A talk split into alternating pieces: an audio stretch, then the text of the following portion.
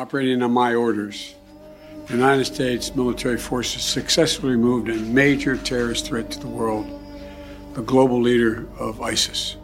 Stolt kunne president Joe Biden fortelle at USA hadde utført et hemmelig angrep i forrige uke, og at lederen for IS var død.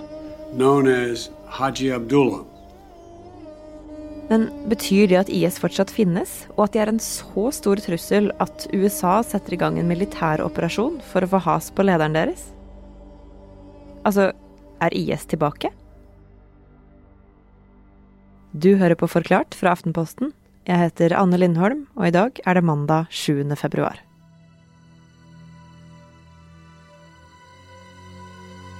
Breaking news coming out of Syria, where U.S. backed forces say overnight the last ISIS stronghold in that country has been freed. Nyheten gikk verden over i mars 2019. Terrororganisasjonen IS kan nå ha mista hele landområdet sitt. Raising a flag for victory against Islamic State in Syria. Det kurdiske militæret kunne plassere store gule flagg på de i stykker bomba bygningene i Baghuz. For etter fem år så hadde kalifatet til IS falt.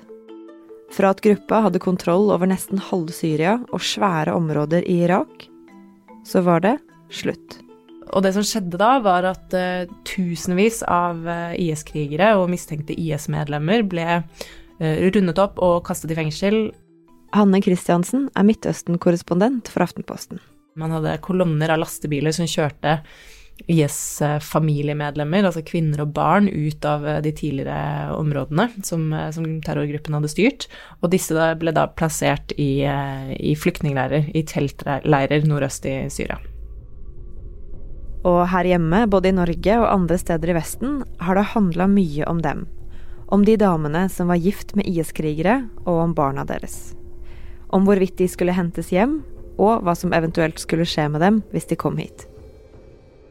Men i Syria så har det handla om noe annet. For IS hadde ikke gitt opp. Det viste seg ganske fort at uh, selv om IS ble på en måte fysisk nedkjempet, eh, altså territorielt nedkjempet, så, så, forsvant ikke IS eller ideologien de forfekter. Og særlig den siste tiden så har man sett at eh, IS har benyttet seg av den desperate situasjonen som fortsatt eh, er i Syria. Mm, ja, for hvordan er situasjonen i Syria nå? Hvordan ser landet ut? Syria er i dag delt i, i tre. Presidenten, Bashar al-Assad, han har lyktes med å ta tilbake store deler av landet. Han styrer omtrent to tredjedeler av landet i dag. Um, men nordøst i Syria så er det kurderne som har kontroll, og de har støtte da fra, fra USA. Nordvest i landet, det som kalles Idlib-provinsen, den, eh, den, styres av de sunnimuslimske opprørsgruppene som har kjempet mot Assad siden begynnelsen av, av, krigen. Noen av de gruppene har støtte fra Tyrkia, men det kontrolleres i hovedsak av en, en annen gruppe som tidligere het Nusra-fronten, og som har røtter i, i Al Qaida. Så Kort fortalt så er Syria fortsatt eh, et liksom lappeteppe av ulike konkurrerende fraksjoner. Og den, eh, den frosne militære konflikten og de Altså den, den, kampen om makten i forskjellige deler av landet gjør at man ikke i det hele tatt har begynt å bygge opp og rekonstruere landet igjen. Hva betyr det for de som bor der, da? Det betyr at de menneskene som lever i Syria, fortsatt eh, har det fryktelig vanskelig. Flere steder er det fortsatt jevnlige luftangrep. Er, I andre deler av landet er det stor fare for eh, selvmordsangrep. Eh, og ikke minst så ligger hele landet i ruiner etter mange mange år med en helt forferdelig borgerkrig. Eh, økonomien er i dyp krise, bl.a. fordi USA har ilagt Assad-regimet strenge sanksjoner. Og i tillegg til det her så er det for tiden en veldig alvorlig tørke, og landet jo også, står jo også midt i den pandemien som resten av verden står i. Og alt det kaoset, den nøden og sulten som Syria står i, det har IS klart å utnytte til sin fordel. Så hva er det IS har gjort siden kalifatet falt? Og hvor store er de egentlig blitt? Hanne, du sa at IS har brukt det at folk er så sultne og desperate i Syria til sin fordel. Åssen da? Altså, IS har ligget lavt en stund nå, men de, samtidig så har de sakte, men sikkert bygget seg opp igjen. Eh, kurderne har spesielt eh, advart om at de frykter at IS fortsetter å rekruttere. Eh, det vi vet fra tidligere, er jo at IS eh, i stor grad bruker sosiale medier, og særlig krypterte meldingstjenester, sånn som Telegram og Signal, til å nå ut til folk, og ved hjelp av f.eks. å tilby dem penger, eh, eh, men også trusler, klarer å lokke til seg nye medlemmer, da, nye sympatisører. Mm. Så de, så de, kjøper folk, altså? De kjøper folk med penger? Ja, eh, forskere jeg snakker med, de eh, forteller at IS fortsetter å betale folk opptil tusenvis av dollar for å, for å, slutte seg til terrorgruppen. IS har jo ganske mye penger på bok fortsatt fra, fra de, eh, altså den perioden da de styrte bl.a. svære Eller hadde kontroll over svære oljefelt og kornreserver og osv. Uh, og så er det også tegn til at de fortsetter å tjene penger i mye mindre grad da, uh, i dag, ved f.eks. utpressing og tyverier, ran osv. Så sånn at de pengene brukes til å aktivt rekruttere nye medlemmer. og så vet man jo også at IS er veldig gode på å spille opp misnøyen, ikke bare knyttet til den humanitære økonomiske situasjonen i Syria eh, og Irak, men, eh, men, også den etniske konflikten som har preget Syria og Irak i, i mange år. Eh, annet det at kurderne nå kontrollerer områder der det bor mange sunnimuslimske arabere. Det, det er en, en, etnisk, en, etnisk, konflikt som, som, IS vet å spille opp. Og også rivalisering mellom sjiamuslimer og sunnimuslimer i Irak.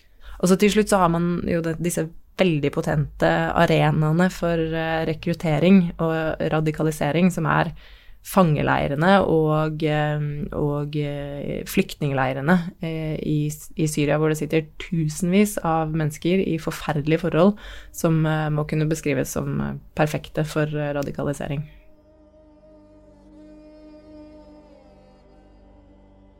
Og hva innebærer det da å bli medlem av IS? Dette foregår jo veldig mye mer i det skjulte nå enn før. Det er jo ikke sånn at folk reiser fysisk til et, eh, et landområde som IS har erklært for sitt kalifat lenger, sånn som de gjorde tidligere. Men man ser av uh, intervjuer med, med uh, mistenkte IS-medlemmer som har f.eks. blitt arrestert av irakiske eller kurdiske sikkerhetsstyrker. Uh, de forteller at de har blitt rekruttert via meldingstjenester som Telegram.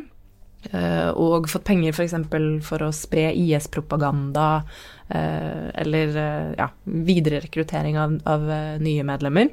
Og, og, fordi man ser at IS også har økt antall altså angrepene de har tatt ansvar for de siste månedene, så kan man jo også gå ut ifra at noen rekrutteres til nettopp det, da, til angrep, til, til selvmordsangrep for å brødfø familiene sine.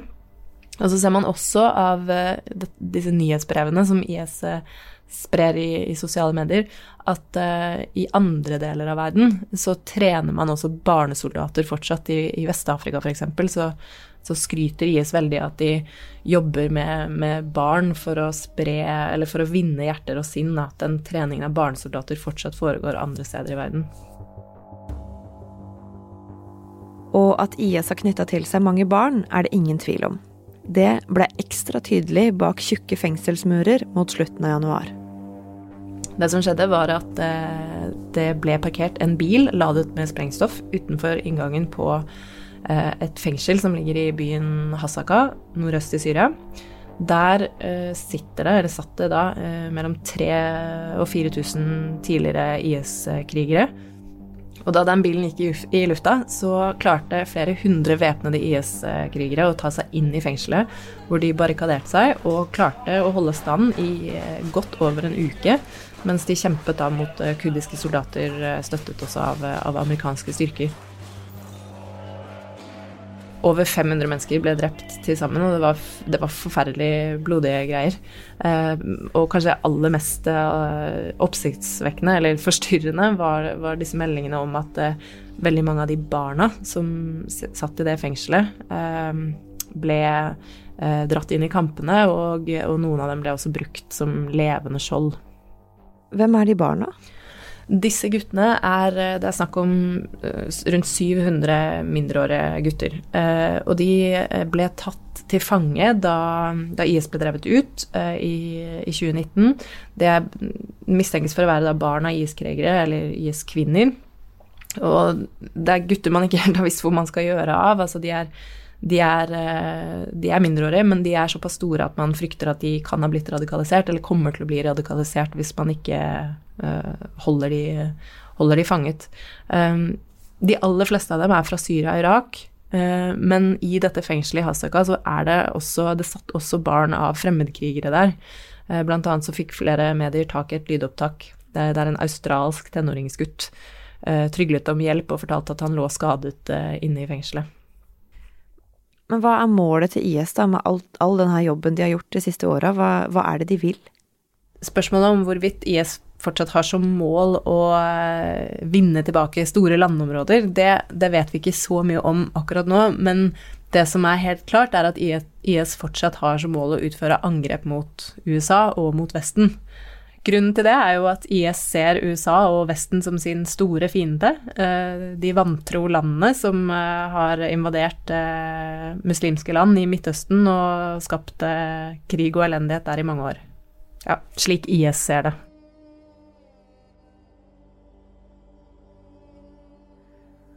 Som alt det her, da, Hanne, de angrepene de har gjort, den rekrutteringa de har holdt på med, de angrepene de har tatt på seg skylda for, det viser at IS de var jo ikke de har jo egentlig ikke vært borte, de har bare jobba eh, i skyggene, på en måte, og klart å verve folk til seg, og brukt annet misnøyen som Assad har skapt, og desperasjonen og matmangel og sulten som har vært. Hvor farlig, eller hvor store har IS klart å bli?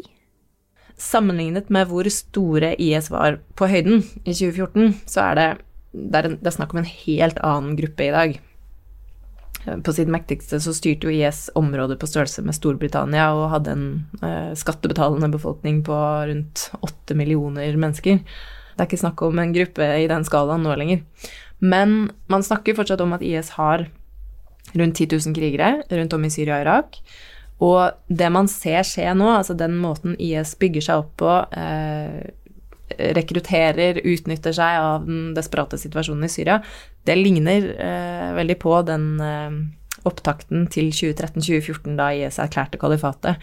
Og det at de klarer å gjennomføre sånne militære operasjoner som vi så i, i fengselet i Hasakar, eh, og det faktum at USA velger å gå inn og gå til angrep på IS-lederen for å utslette ham, det tyder på at IS eh, fortsatt anses som en internasjonal eh, sikkerhetstrussel.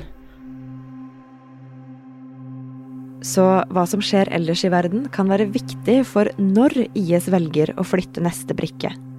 For nå er mange opptatt med både et kontroversielt OL i Beijing, og nå står det også tusenvis av soldater på begge sider av Ukrainas grense mot Russland. Det er flere som peker på det at uh, det at verdens øyne er rettet andre steder, enten det er mot konflikter eller sportsarrangementer eller det det måtte være, eh, det, det vet IS å utnytte. Det er kanskje særlig relevant i de delene av Syria der kurderne styrer, eh, fordi at de har direkte militær støtte fra USA. Så dersom USA skulle bli altfor opptatt med å forsvare f.eks. For Ukraina, så går nok IS ut ifra at det da vil være mindre sannsynlighet, mindre appetitt for å sende flere amerikanske soldater til, eh, til Syria. Men hva kan vi vente oss framover, da? Det at IS-lederen døde i forrige uke, det beskrives av de som følger, på, eh, følger nøye med på IS, som et stort nederlag for terrorgruppen. Eh, men det er ikke sånn at eh, fordi om lederen døde, så, så dør ideologien med han. Og dette store problemet som verdenssamfunnet har med at det sitter tusenvis av tidligere IS-medlemmer og, og, deres familier i, i leire som er fullstendig overfylt, og hvor eh, de humanitære forholdene er helt på bristepunktet, det, det, kommer til å fortsette å være et problem fremover, og ikke minst kommer det til å fortsette å vokse ettersom barna eh, vokser opp og blir mer sårbare for rekruttering. Så eh, det internasjonale samfunnet må etter hvert få øynene opp for at dette problemet ikke kommer til å gå over av seg selv, snarere tvert imot. Eh, hvis ikke man tar grep og gjør noe med dette her, så kommer heller ikke trusselen fra IS til å forsvinne.